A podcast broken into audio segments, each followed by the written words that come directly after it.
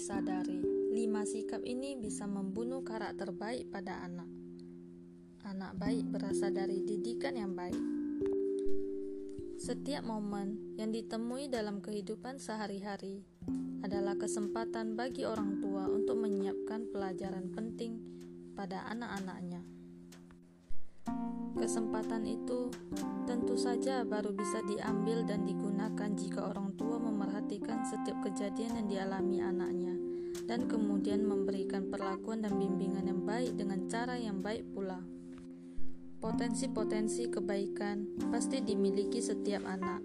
Sayangnya, tak sedikit orang tua yang gagal memberikan teladan yang benar sehingga potensi-potensi tersebut juga gagal berkembang. Lima hal berikut adalah contoh bagaimana sikap yang salah dari orang tua bisa membunuh karakter baik pada seorang anak, namun masih sering dilakukan orang tua. 1. Menolak pemberiannya. Seorang anak kecil yang memberikan kepunyaannya pada orang lain menunjukkan bahwa sudah ada bibit ketulusan dalam hatinya. Namun sayang, bibit tersebut sering dimatikan oleh orang tua atau orang-orang terdekatnya sendiri. Karena tak jarang, orang dewasa dengan tega menolak pemberian dari seorang anak kecil. Kamu bisa memerhatikan perubahan raut wajah seorang anak yang pemberiannya kamu tolak. Ia yang awalnya berlari riang menghampirimu untuk memberikan padamu apa yang ia pegang akan langsung berubah sedih saat kamu menolaknya. Sebaiknya jangan menolak langsung pemberian seorang anak. Apakah ia memberimu sisa roti, buah kesukaannya, atau mainan kumal yang baru ia pungut di tepi jalan? Jika anakmu menyodorkan kepadamu sepotong makanan yang tidak kamu suka atau sudah tidak layak lagi untuk dimakan karena kotor, sebaiknya kamu terima saja dulu sambil mengucapkan terima kasih dengan tulus. Kamu bisa membuangnya kemudian setelah ia pergi. Begitu juga ketika ia memberikan sesuatu yang ia anggap sebagai mainan, berikanlah apresiasi pada pemberiannya, meski kamu merasa mainan itu tidak penting. Menerima pemberian seorang anak kecil berarti memberi ia kesempatan merasa berguna untuk orang lain di sekitarnya. Sedangkan menolaknya berarti kamu gagal mengajarkan kepada seorang anak tentang arti pentingnya saling berbagi. 2. Mengacukan ceritanya.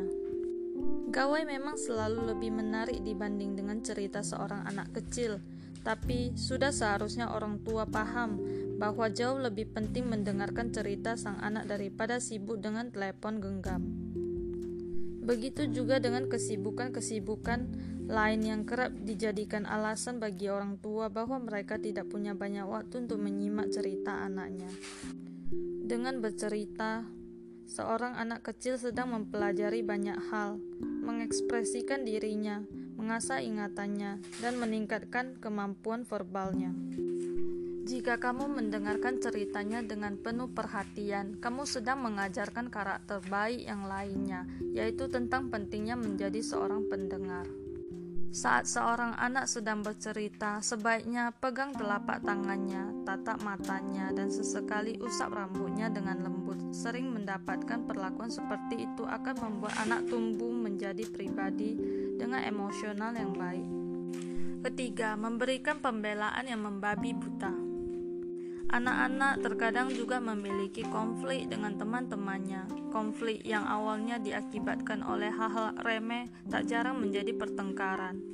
Karena masih memiliki ego yang sama-sama tinggi dan masih belum bisa menyelesaikan masalah, sering kali konflik tersebut berujung perkelahian fisik karena terdorong oleh naluri sebagai orang tua yang selalu ingin melindungi anaknya sering kali orang tua memberikan pembelaan yang membabi buta sehingga lupa bersikap bijaksana tindakan yang seperti itu justru buruk dampaknya pada mentalitas anak saat anak sedang bertengkar dengan temannya Selaku orang tua, kamu boleh saja mendengarkan penuturannya untuk mencari tahu apa yang terjadi.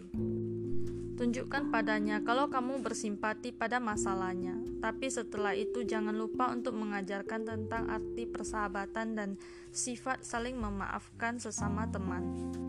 Alih-alih memberikan pembelaan yang membabi buta, orang tua sebaiknya menawarkan diri sebagai juru damai antara sang anak dengan temannya. 4. Memarahi saat ia melakukan kesalahan. Kemarahan, apalagi disertai dengan bentakan, hanya akan merugikan orang tua dan anak. Suasana hati orang tua akan semakin memburuk dan mental anak juga akan rusak satu bentakan dari orang tua bisa mematikan jutaan sel saraf pada otak anak.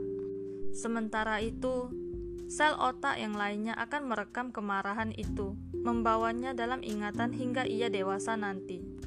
Kesalahan atau kenakalan-kenakalan yang diperbuat oleh anak dapat diubah oleh orang tua menjadi kesempatan untuk mengajarkan banyak hal.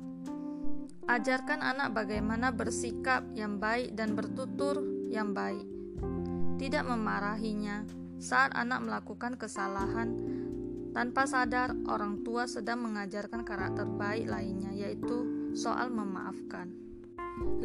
Menghilangkan kata minta tolong dan terima kasih Seringkali karena terdorong oleh perasaan superior di atas rumah, orang tua lupa menyertakan kata tolong saat memberikan perintah pada anaknya dan juga sering luput mengucapkan terima kasih setelah ditolong oleh anaknya.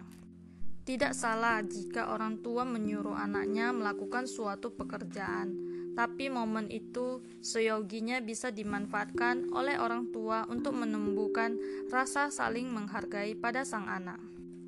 Hargai sekecil apa pun jeripayanya dalam membantu pekerjaanmu, agar kelak ia juga tumbuh sebagai manusia yang menghargai manusia lainnya dan berikan apresiasi padanya dengan ucapan terima kasih. Maka nanti ia pun akan terbiasa mengucapkan terima kasih. Itulah lima sikap yang sebaiknya selalu menjadi kesadaran bagi orang tua. Hindari melakukannya sebab bisa menjadi pembunuh karakter baik pada mentalitas anak.